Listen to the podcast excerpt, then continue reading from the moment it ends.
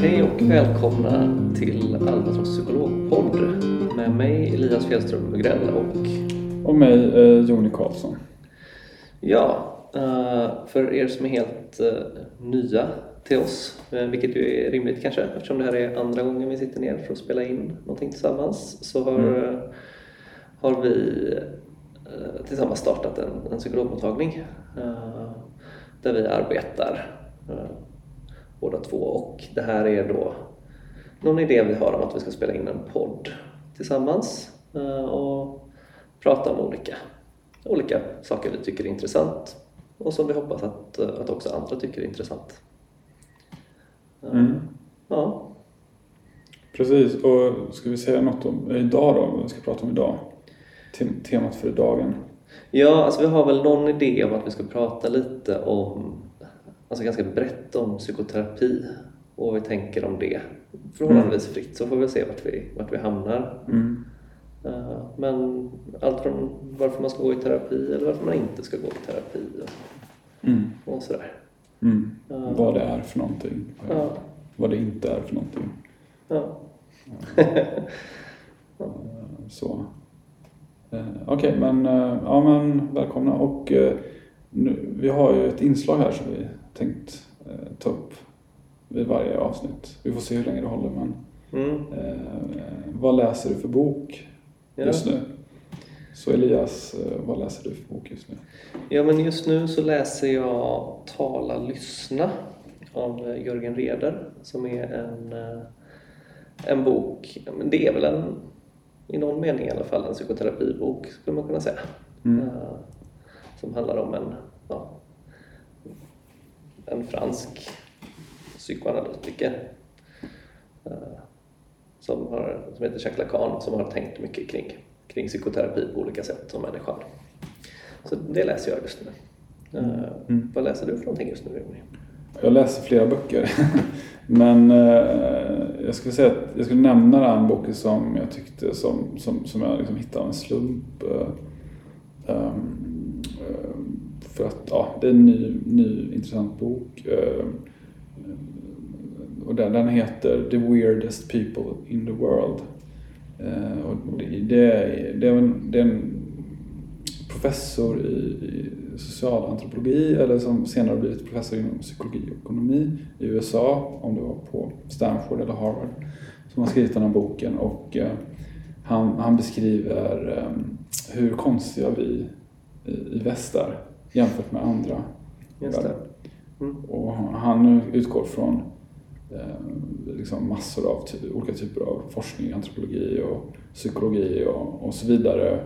Eh, för att liksom visa på att, att, att det är något extremt med oss. Och det, det följer ju lite där, eh, de här eh, eh, återkommande skattningarna, World Value Survey, eh, Mm. kring, kring särskilt Sverige då, som, som ett extremt land vad gäller indi- individualistiska värderingar och så vidare. Mm. Och sekulära värderingar. Eh, Så, ja, men jag, jag liksom, jag har börjat läsa, jag har kommit in, in, ja, 150 sidor och sådär. Så det är väl lite, ja, jag tycker den är intressant. Det är väl lite tjatigt med olika så här eh, antropologiska studier där man liksom följer någon ursprungsbefolkning och så eh, Mm. Försöker han liksom journalisera utifrån det då. eh. Kring, eh, generellt kring eh, liksom, mänsklig kultur, samhälle och så. Men det, det är väldigt intressant för att det, det visar framförallt hur liksom, protestantismen och det kristna har liksom, format på något sätt ett sätt att vara på. En psykologi Mm. i väst då. Som är speciell då, men också som har lett till, till ja, vissa fördelar då, enligt honom. Mm. Eh, Så det är intressant, bland annat just att eh, eh, med Martin Luther då, att, att, att, man, att vanligt folk så att säga skulle själva kunna läsa Bibeln. Mm. Den idén gjorde att, att läsförmågan bland vanligt folk då, så att ökade enormt jämfört med tidigare. Mm. Tidigare var det vissa präster då, eller vissa lärda som endast kunde läsa och kunde liksom tolka och, eh, och eh, föra vidare Guds ord. Då. Men nu- var det liksom vanliga folk som skulle kunna, lä- det var liksom, ja, Det krävdes disciplinering, det krävdes skolor och så. Mycket kommer från sko- grundskola och sånt från, från den, den delen. Och det, ja, det är väldigt intressant eh, tycker jag. Eh, så, men som sagt, jag har inte kommit in. Den är väl på 600 sidor så, eller någonting. Så jag har inte kommit in hela vägen här. Ja. Det finns ju något väldigt eh, spännande det överlag att fundera kring liksom det samhälle vi lever i då, då just nu. Ja. Eh, I relation till andra, andra sätt att vara och leva som, ja, men, som man kanske inte så ofta funderar kring. Eh, eller så, när man, för att man lever ju på i sitt liv. Mm. Och har ju ganska ofta en tydlig bild av vad som är viktigt för en. Men det brukar ju ske liksom ganska mycket per automatik vad man, vad man tänker är viktigt för en, Mm. för en själv. Eh, och ja, men, Jag vet inte, på något sätt att, att läsa en sån bok kan ju också ja, men innebära att man också börjar, börjar fundera lite kring, kring, kring sitt sätt att leva och varför det är viktigt. Och, ja.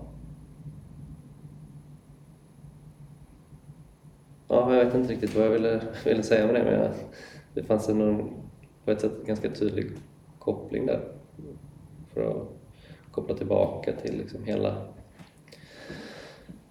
hela psykoterapiprojektet. Eller så. Eller alltså varför man ska gå i, i, i psykoterapi. Varför, Mm. man, alltså varför det finns ett värde i att, att fundera kring, kring sig själv och sitt liv och sina livsval. Mm. Eh, där man oftast ja, kör på. Eller många människor gör ju det.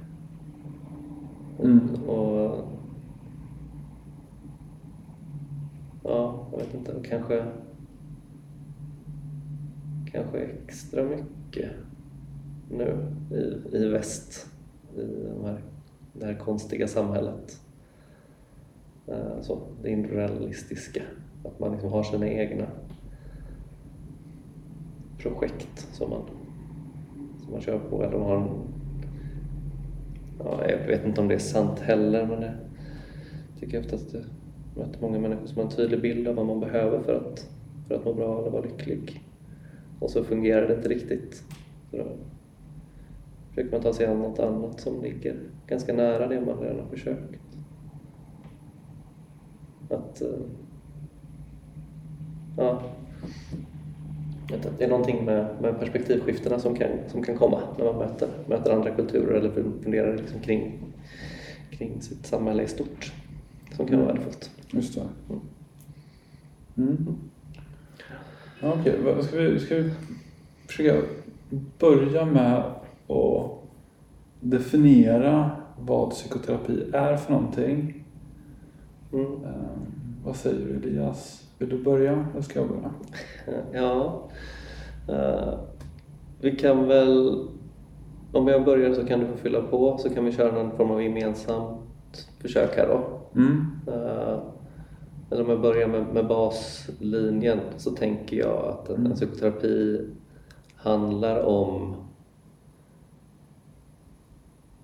ett... Alltså i första hand ett samtal för att försöka förstå en, en situation och förändra en situation Mm. för eh, ja, en eller flera individer. Är det... Mm. Ja, där skulle, där skulle jag börja tror jag. Mm. Eh, absolut. Alltså, jag bara liksom funderar på vad, vad andra skulle tänka. Och, eh, eh jag, jag, tänker, jag tänker att många associerar psykoterapi med att det är någonting i individen, alltså någon, individens psykologi som liksom eller det kanske är jag själv som lägger in de här sakerna i detta, men att det är de som ska... Individens psykologi ska förändras och inte själva situationen. Om du förstår vad jag menar? Ja. just det. Uh, och det kan jag... Alltså, i, I vissa avseenden så håller jag nog lite med om det. Fast det handlar ju om hur individen förhåller sig till situationen Mm. också. Eller att förstå varför en individ är i en viss situation. För att ja, ibland kanske man behöver landa i att man behöver ta sig ifrån en situation. Mm.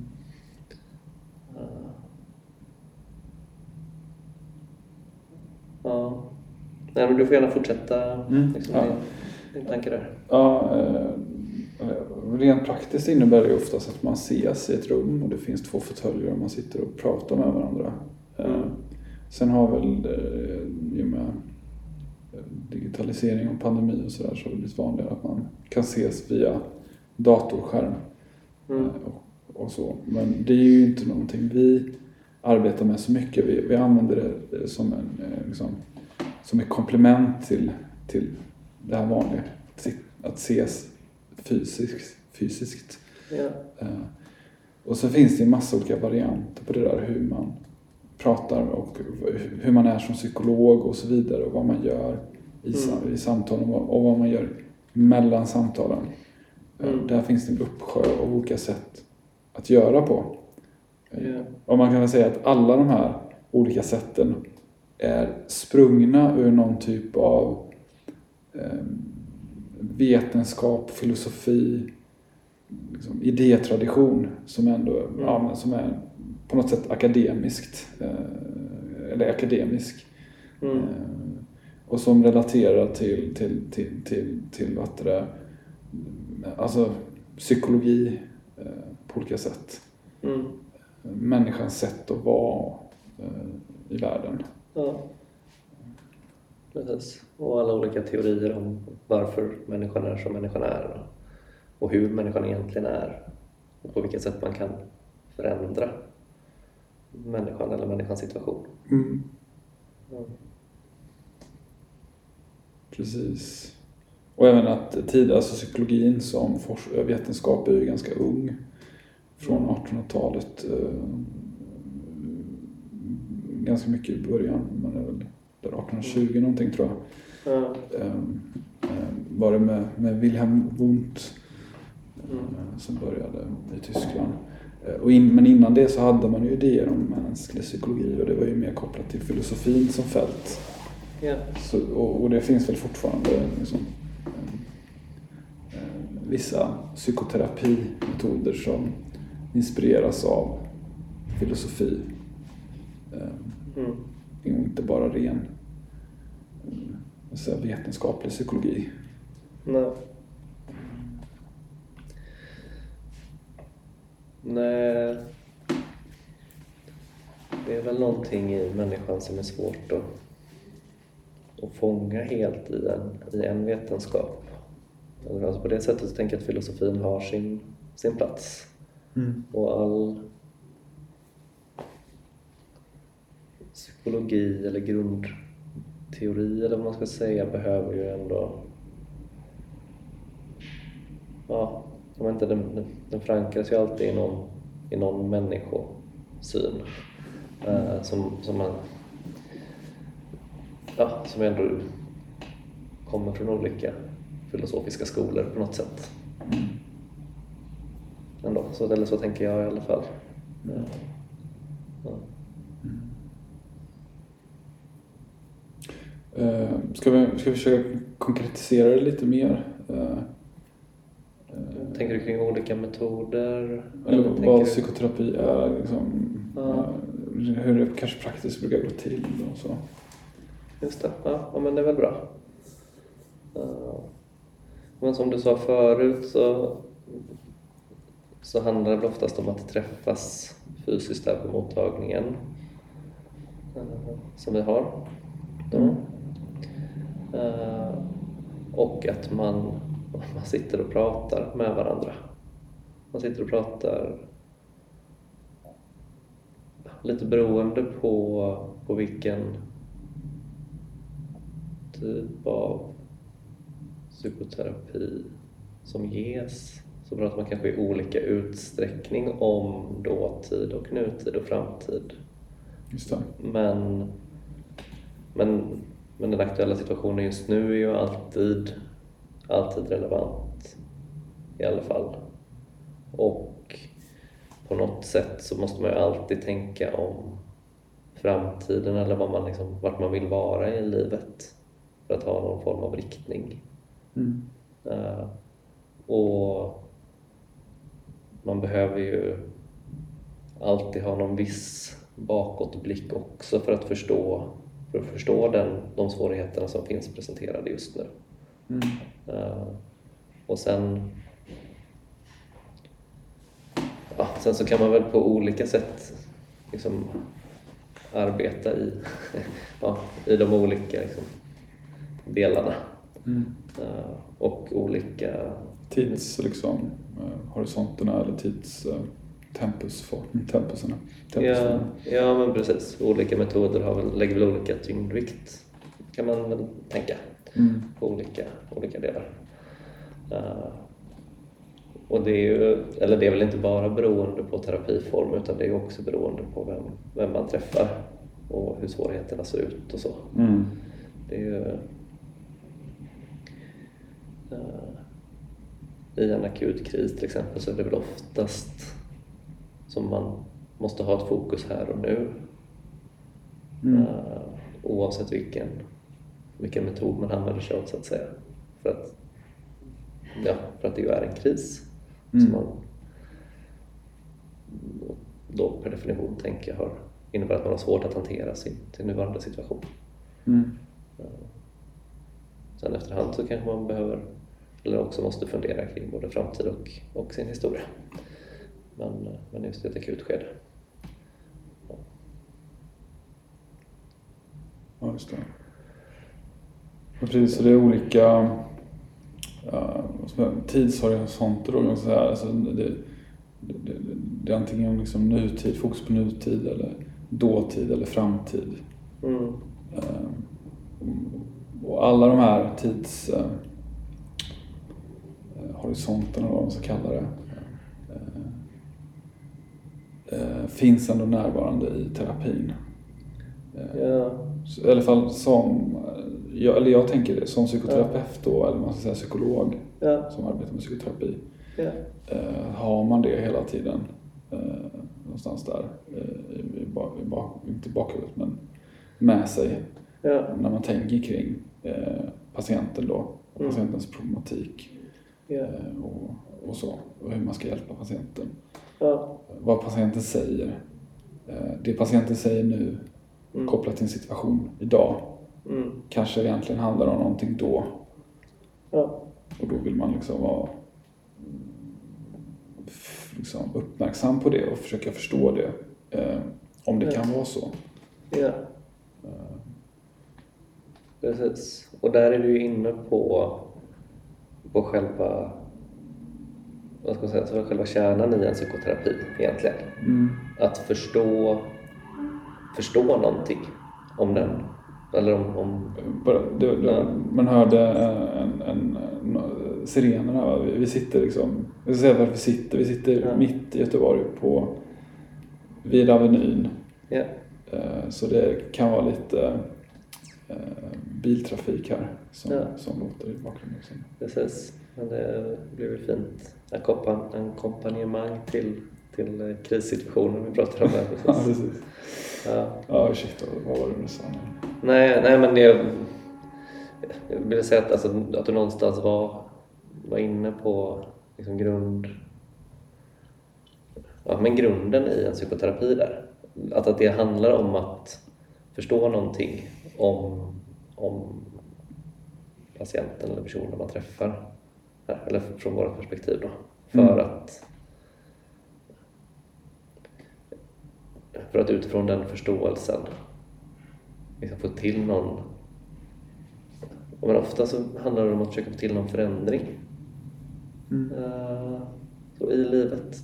Det är ju anledningen till att börja i, i en terapi handlar ju ofta om att man, man saknar någonting, är missnöjd med någonting, det är, man mår dåligt. Det är någonting i ens, ens liv som inte är, är som man vill. Mm.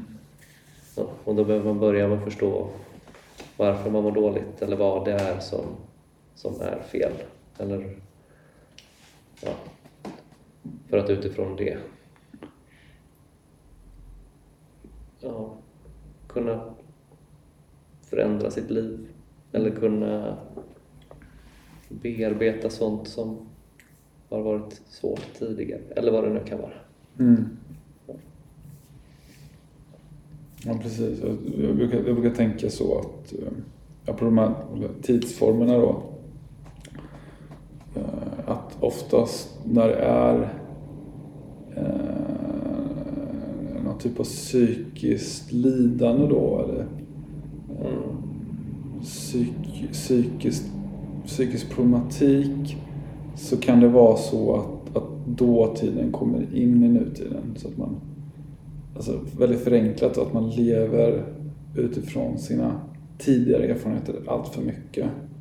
Ja. Så att de kommer in och liksom påverkar hur man uppfattar saker idag. Mm. För mycket utifrån dem, alltså eh, de här tidigare erfarenheterna. Och agera på dem. Mm. Det i sig gör att de här tidigare erfarenheterna eh, på något sätt att att man liksom tar dem för sanna då eftersom man agerar på dem. Och så kan man Mm. liksom hamna i någon typ av, ja, eh, att dåtiden liksom kommer in och äter upp eh, nutiden för mycket i ens liv då. Om man Mm. tänker som en individuell psykologisk historia här. Ja. Vilket gör att, att det blir liksom rörigt och man, man ser saker som kanske inte finns där ens. Liksom, eh, beroende på hur, hur, hur allvarligt det är och hur, hur, hur ens psykologi liksom ser ut Ja. och så vidare. Va? Ja, och vidare i det så tänker jag att man också kan, kan agera på ett sätt så att tidigare erfarenheter återupprepas och händer igen. Uh, och alltså på ett sätt som inte, eller jag tänker inte att det alltid är, eller jag tänker att det sällan är liksom medvetna val eller strategier eller så. Men att man liksom hamnar i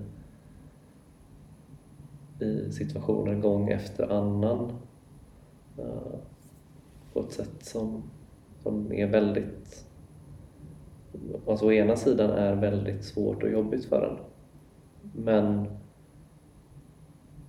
att eh, jag vet inte det kanske är svårt att prata om det i termer av trygghet också men det jag tänker att det finns ju någonting som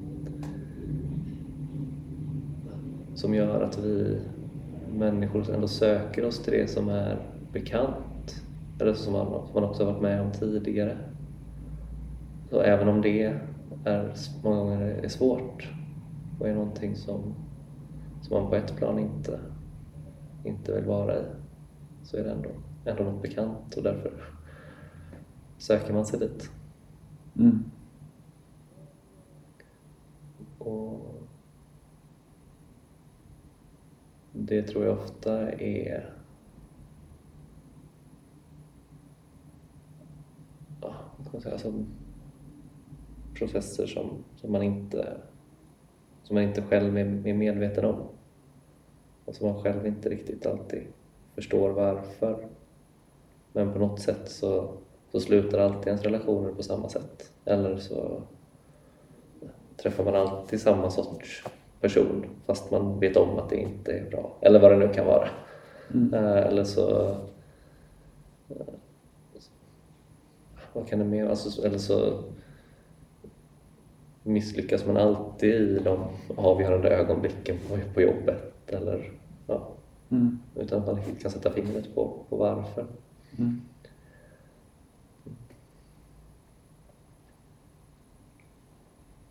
Ja, vad, vad, ska vi försöka ändå svara på det här vad psykoterapi inte är?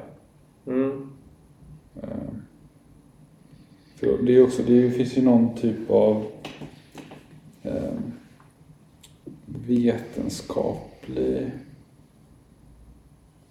approach där att, att definiera saker. Att liksom Mm. det här är det och det här är inte det. Va?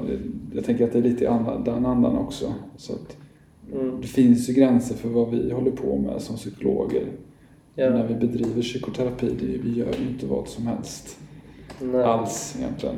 Det, finns, det är ju väldigt tydligt i och med att vi har, vi är ju legitimerade va? så det, det, Mm. det finns ju lagar som vi ska följa. Mm. Flera olika lagar och det finns också etiska riktlinjer som vi ska följa Mm. som legitimerade. Ja. Och där, där bland annat då är ju psykoterapi en, en, ett utövande som vi har rätt till i, i och med vår legitimation. Mm. Men det är ju det är viktigt att veta när det inte är psykoterapi och vad vi inte kan göra. Ja, absolut. Och det... Eh, eller min, min spontana, alltså första tanke i det är ju att, att någonstans i början av en kontakt handlar ju någonstans om att försöka få en, en bild av, av den man träffar för att kunna tänka också alltså vilka, vilka förändringar som är möjliga och vilka som inte är möjliga. Eller vad man kan alltså tydligt prata om det tillsammans. För det är ju många människor som har en, menar, en väldigt svår livssituation. Och, och många har ju också alltså förväntningar på, på att få till förändringar som inte är, som inte är möjliga.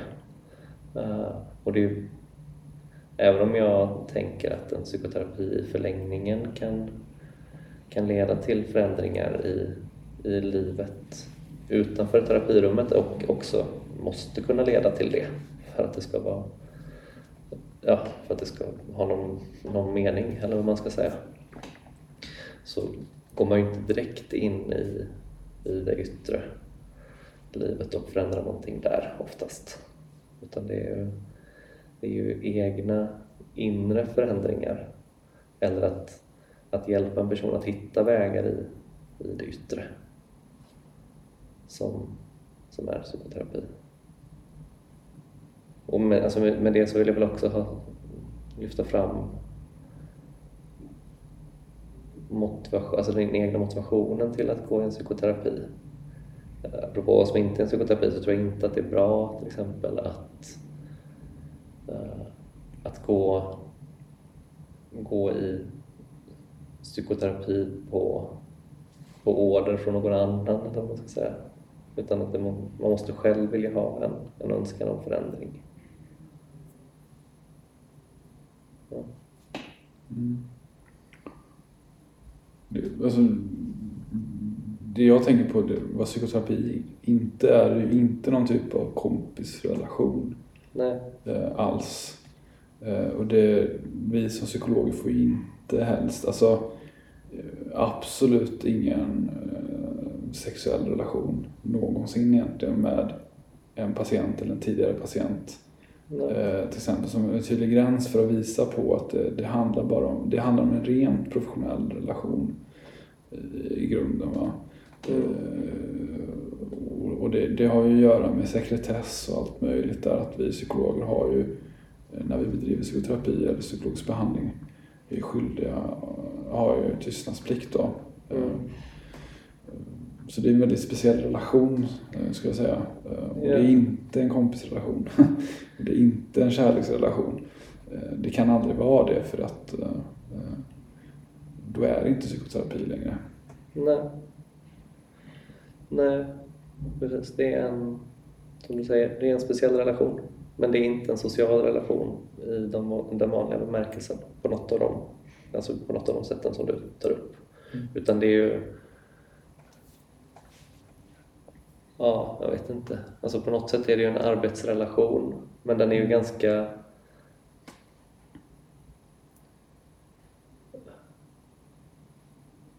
Alltså jämfört med andra sociala relationer så är det ju en väldigt liksom, vad ska man säga, ojämn fördelning av samtalsutrymme. Alltså det och det är i maktpositioner om man vill prata om det också.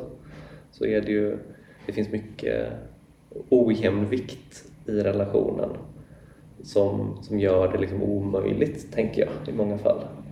Att, att övergå till en, en annan social relation. I alla fall inte på något, eh, något okomplicerat sätt. Eller inte, och inte av sig självt.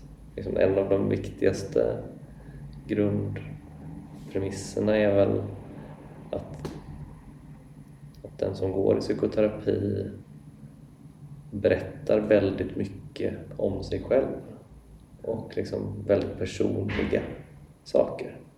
Och om det som är svårast och jobbigast i livet. Medan ja, vi som,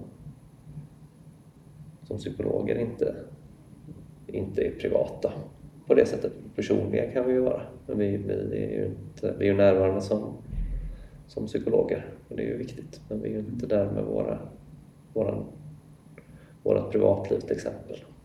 Eller så.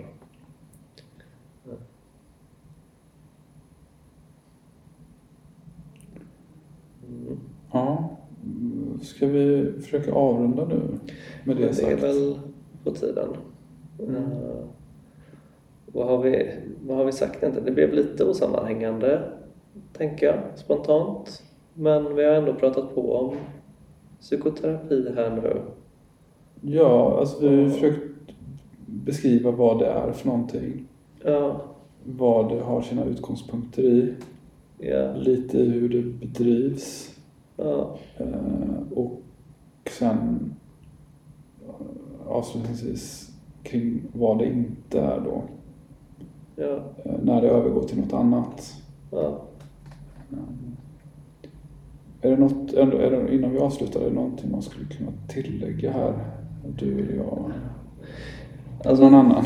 Ja, nej, men jag, jag skulle ändå vilja liksom lyfta fram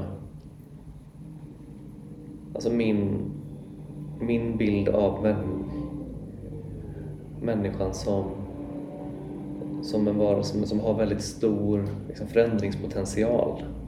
Jag, jag tror att man, man kan förändra ganska mycket hos sig själv. Alltså med, och- eller och den förändringen kan ju, kan ju ibland vara att inse sina begränsningar. Men, men jag tror att det finns det finns ofta liksom stora möjligheter att, att göra saker.